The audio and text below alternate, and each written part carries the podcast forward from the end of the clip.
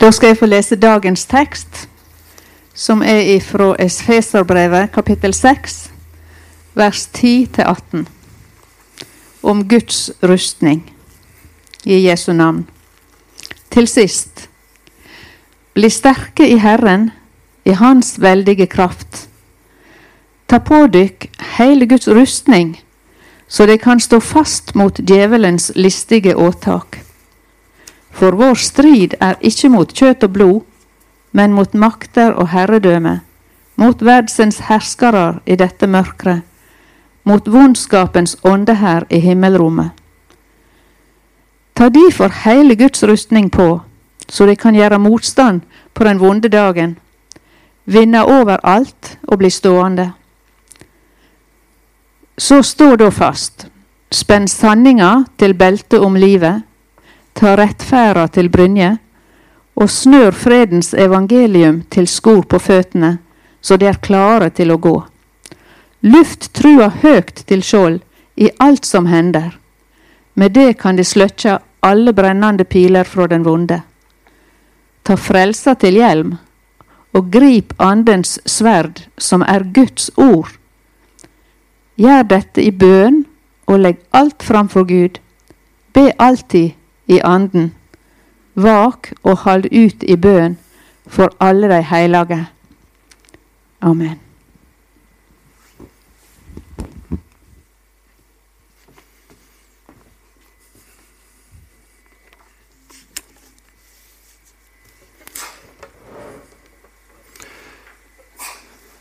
Hvordan kan jeg stå imot det onde?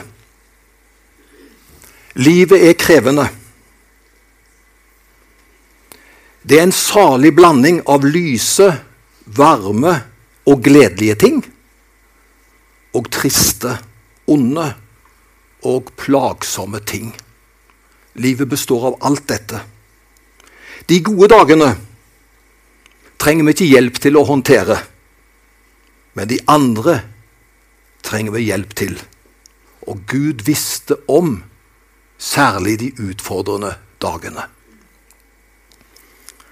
I verden så foregår det en kamp mellom usynlige makter. Gud han har jo skapt alt, også englene. Men vi har lest i Det gamle testamentet at en av englene han gikk imot Gud og gjorde opprør og ble Guds motstander. Denne engelen kalles for Satan eller djevelen. Og han prøver å ødelegge for det gode. Han ønsker å legge mennesker i trelldom, og han ønsker å få makt over alle mennesker. Det er bare slik hans strategi er, og vi ser at han gjør en desperat gjerning vi ser det ikke minst i vår tid, hvor all den djevelskapen rår, fordi han ønsker å legge hele verden under seg. Men denne kampen, som alle mennesker må kjempe Og nå snakker jeg ikke implisitt til kristne. Alle mennesker må kjempe denne kampen. Den foregår ikke bare i kriminalverdenen, men den kampen foregår i menneskets sinn. Og Derfor kan du snakke med mange mennesker, uansett bakgrunn, så opplever de jeg har en kamp i sinnet mitt. Det er ting som er utfordrende, og som er vanskelig. Og Paulus han skriver til sin unge medarbeider strid, troens gode strid, og grip det evige liv som du er kalt til. Så livet det er faktisk alltid en strid, og det er viktig for oss at vi kjemper troens gode strid. Og Paulus gir oss en oppfordring hvor han sier 'vær edru og våk'. Og hvis vi ikke er edru og våke, da, da er vi jo uten forberedelse. Så Derfor står dette for at vi skal være forberedt når kampen kommer. Han sier det. Vær edru og våk, deres motstander djevelen går omkring som en brølende løve for å finne noen å sluke. Djevelen han er virkelig. Han er faktisk alt vår fiende. Han er ute for å ta oss.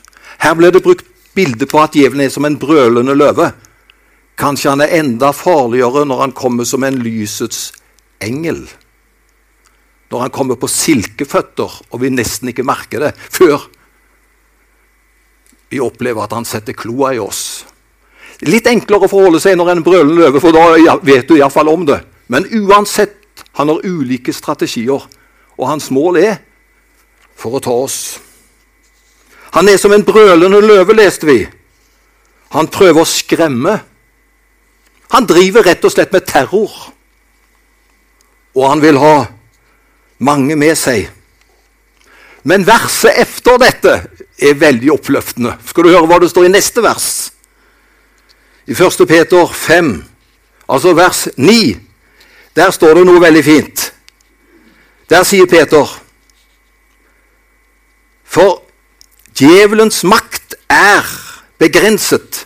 Det går an å stå han imot. Og Da står det da skal han flykte fra dere. Altså, Vi, vi har ikke et sånt løveperspektiv på djevelen som det endelige. Vi er klar over at slik er han, men i den kampen så kan heldigvis du og meg vinne seier. Vi kan avvise han.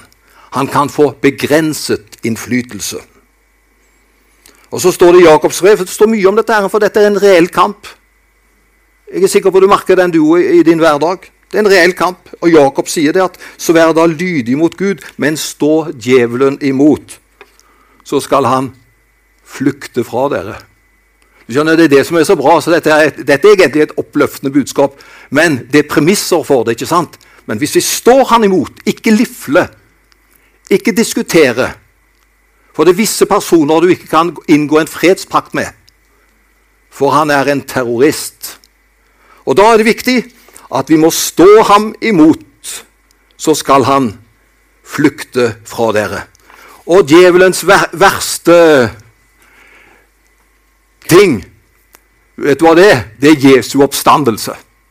Der vant Jesus totalt seier. Av, det står jo at han avvæpnet maktene og myndighetene idet han viste seg som seiersherre over dem på korset. Der vant Jesus en fullkommen seier. Og så sto han opp, og Jesu oppstandelse For å si det på en godt norsk det er djevelen rasende over. For der ble hans nederlag. Og Jeg er veldig glad for at vi skal ha nattverd her i dag. Hver gang vi feirer nattverset, ja, er det noen som misliker nattverset, det er djevelen. For der blir han minnet hver gang om der tapte han. For ved Jesu døde oppstandelse så vant Jesus en evig seier. Så tenk på det når du tar natt i dag. Du kan bare si det. Dette har han godt av. For det er det som er sannheten. Der vant Jesus en total seier. Han avvæpnet det, han døde og sto opp igjen. Så han liker ikke Jesu død, og selvfølgelig ikke Jesu oppstandelse. Det er det som er vår velsignelse og mulighet. Er ikke det flott? Og så er det noen som stiller spørsmål er djevelen like sterk som Gud. Nei, de står ikke på like fot. Djevelen er bare en engel som har gjort opprør. Djevelen har ikke de utrolige egenskapene som Gud, den allmektige, har. Her på jorden har djevelen fremdeles eh, virksomhet. Men våre liv, de er kjøpt med Kristi dyrebare blod. Så derfor, om han er virksom her og prøver seg, for han prøver seg, så kan han ikke stille opp mot det Jesus og Gud har for hver enkelt av oss. Vi er Guds folk, og derfor har djevelen ikke noe krav på oss. Kan jeg få si den setningen en gang til? Vi er Guds folk, og djevelen har ikke noe krav på oss. Men han kan friste oss. Han kan forføre oss ved vårt syndelige kjød. Derfor trenger vi å være på vakt. Men vi trenger ikke være redd for at livet vårt med Jesus kan bli overtatt av djevelen. For han er en slagen herre. Det Jesus har gjort for oss, det er å holde liv og død. Jeg er så glad for det at jeg, jeg trenger ikke lure på at jeg er en kristen om, om ti år. Går det bra med meg neste år? Vet du hva? Det er Jesus som er garantisten for min frelse og for din. Og det han har gjort, det er fullkomment. I Bibelen står det om den onde dag. Alle mennesker opplever faktisk alt den onde dag. Og Jeg skal forklare hva den onde dag er. Det kan komme tider i livet ditt da du er spesielt glad. Men allikevel så blir du utsatt for djevelens angrep. Er det noen som har opplevd det? Jeg tror Asbjørn Johannessen kalte det for velsignelsens annen dag. For velsignelsens første dag den er jo triumf, det. Men så kan velsignelsens annen dag være plutselig hvor vi blir slått ut. Hvor vi opplever at alle negative krefter er nesten løs. Og vi opplever 'Hvorfor skjer dette? Jeg hadde det jo så bra!' Og du opplever sånt? Plutselig så kan det snus. Du hadde det så godt, og så lar det seg om. Av og til kommer den dagen men alt går bra. Vi kan ha det greit økonomisk. Barna kan være sunne og friske, og det står bra til i ekteskapet. Men så bryter helvete løs, som han sier det.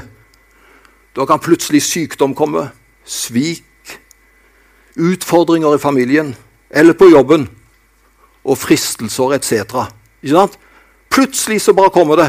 Og det er det som Bibelen kaller for den onde dag. Jeg har enda ikke møtt et menneske jeg, som ikke har opplevd noe av den onde dag i sitt liv.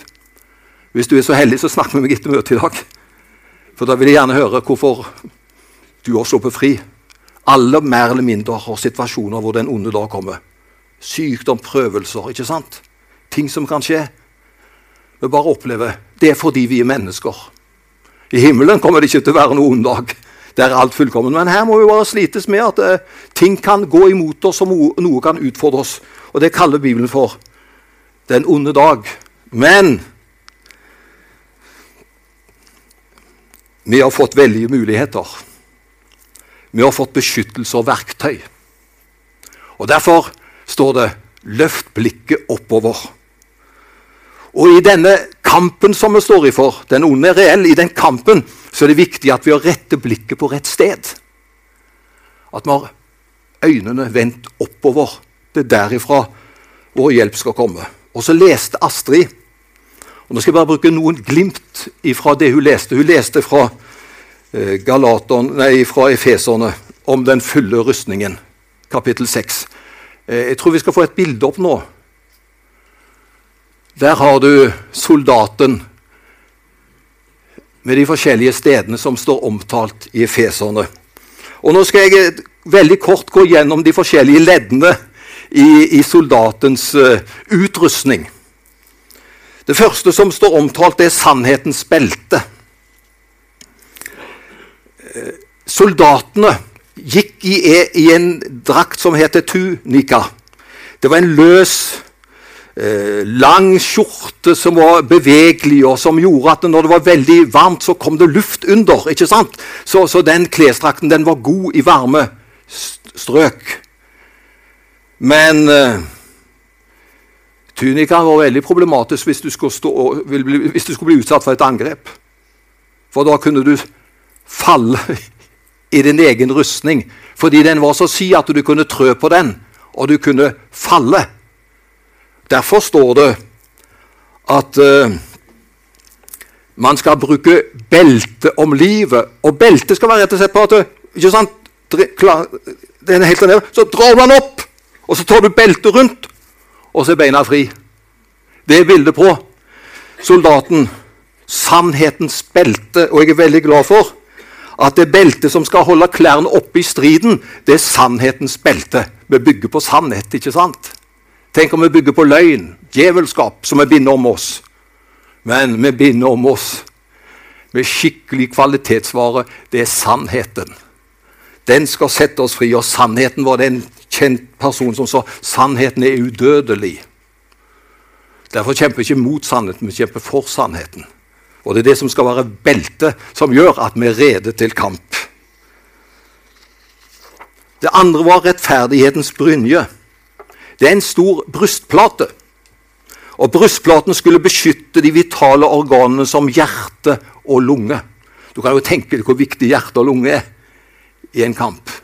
Og Da skal altså brystplaten, eller brynjen, beskytte de vitale organene som hjerte og lunge er.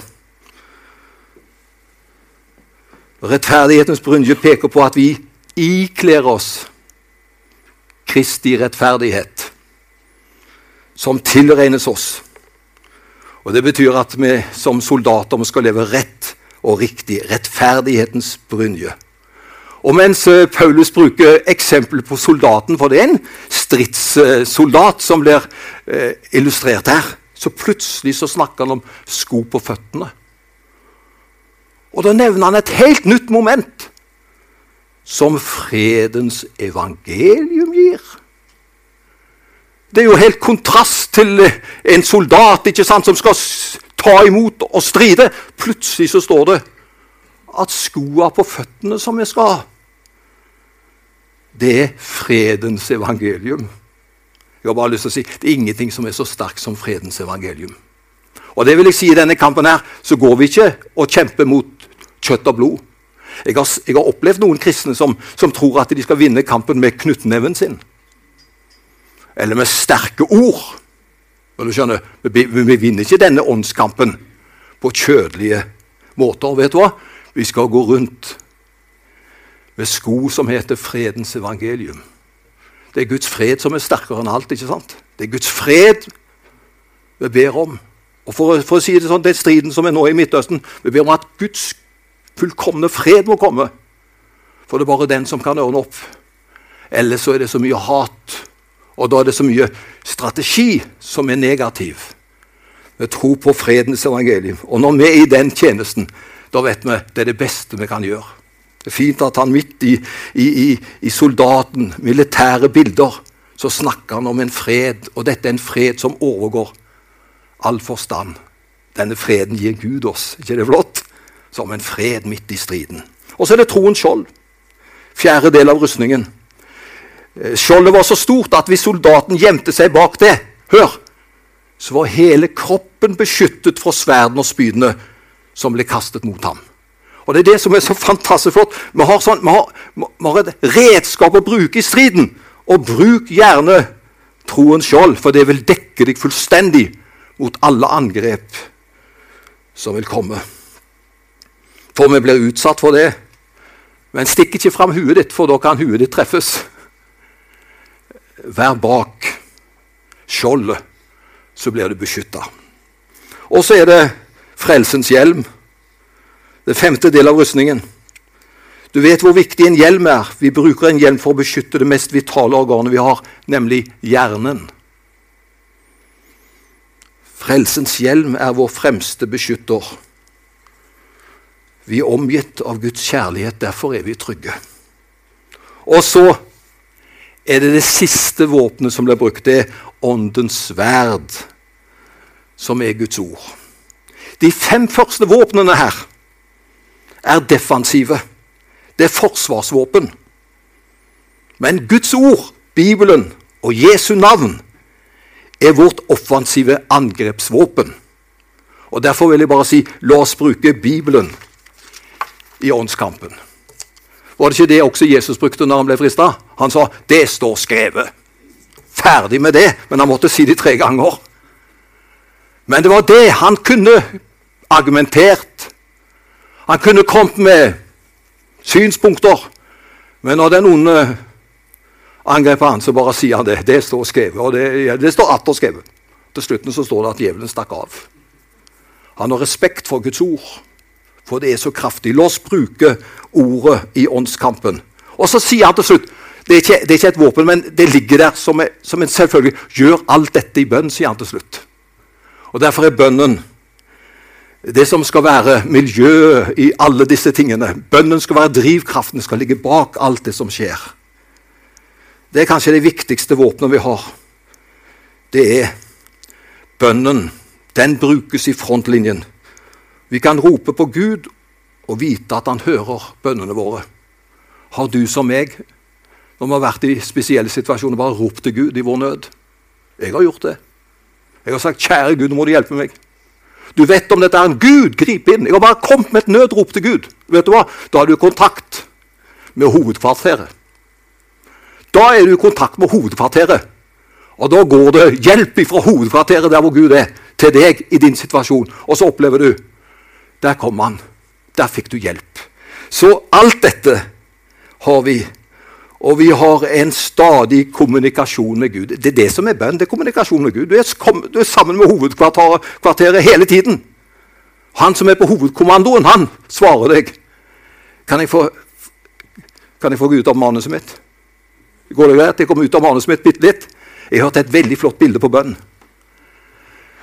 Det var en som kom på sykebesøk. En prest. Og han visste ikke hvem han skulle besøke. Han bare fikk vite en adresse der skulle han gå i bønn. Og Så kom han til en pasient som var på sykehuset, som hadde det alvorlig. Og Han ønsket å få hjelp i sin frelsesak, pasienten. Og så snakket de da om bønn. Og, ja, men syns han syke, men det, det, bønn det er vanskelig, sa han. Og så brukte presten et så veldig godt bilde. Du skjønner, når du ligger her sånn, så Du husker den der? Er det snora du drar i? Det er bønn sånn. Dra i den! Vet du hva som skjer da? sånn? Da kommer de løpende. Disse sykesøstrene for å hjelpe dem. Og så spør de hva, er, hva kan jeg hjelpe deg med.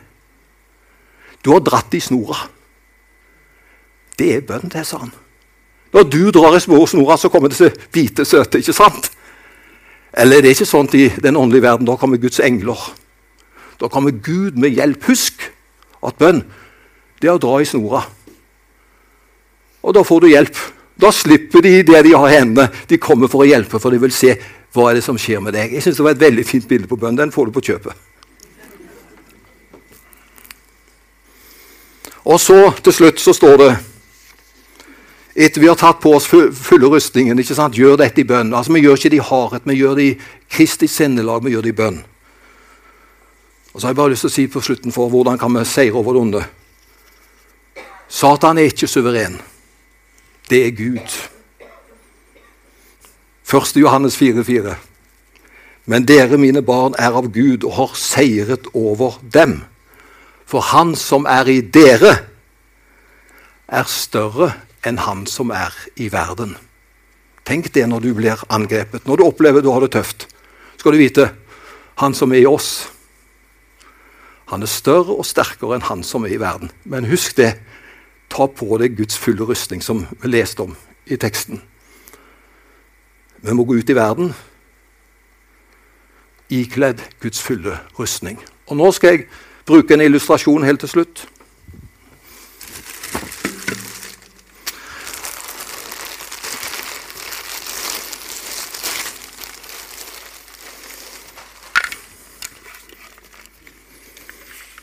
Er det greit? Vi er alle sammen i en åndskamp. Jeg har bare lyst til å beskytt hodet ditt. Beskytt tankene dine. For vi er under angrep. For djevelen er en virkelighet. Men vi kan ta på oss frelsens hjelm. Er ikke det bra? Det viktigste organet i oss det er jo hjernen vår, ikke sant? Lev med beskyttelse. Lev sammen med Herren. Og så Jeg fikk dette når jeg var på Base. Og når, når, jeg sa at de skulle bruke det på talen i dag, så sa de ja, da skal du få det gratis. sa de. Nå ikler jeg meg en refleksvest. Og la den være et bilde for oss alle. Vet du hva jeg har lyst til å si til oss? La oss ikle oss Kristus. Det er virkelig en redningsvest. Det er en refleksvest som hjelper oss i alle livets situasjoner. Jeg vet det, at livet kan være tøft. Det er få som blir spart. Det kommer før eller senere i, i perioder, ikke sant? Men ta på deg Guds fulle rustning i Feserne 6. Og så vet vi at i Herren så har vi alt hva vi trenger. Herre, hjelp oss at vi virkelig kan ikle oss deg og leve for deg. Takk at vi kan få en hjelm på oss. Vi kan få en, en redningsvest, Herre. Du er vår redningsvest. Takk at du, Herre, har gjort alt for oss. Vær med oss. Og takk at vi nå straks kan få gå over til nattvær. Og vi takker deg, Herre, for at du har gjort alt som må gjøres. I Jesu Kristi navn.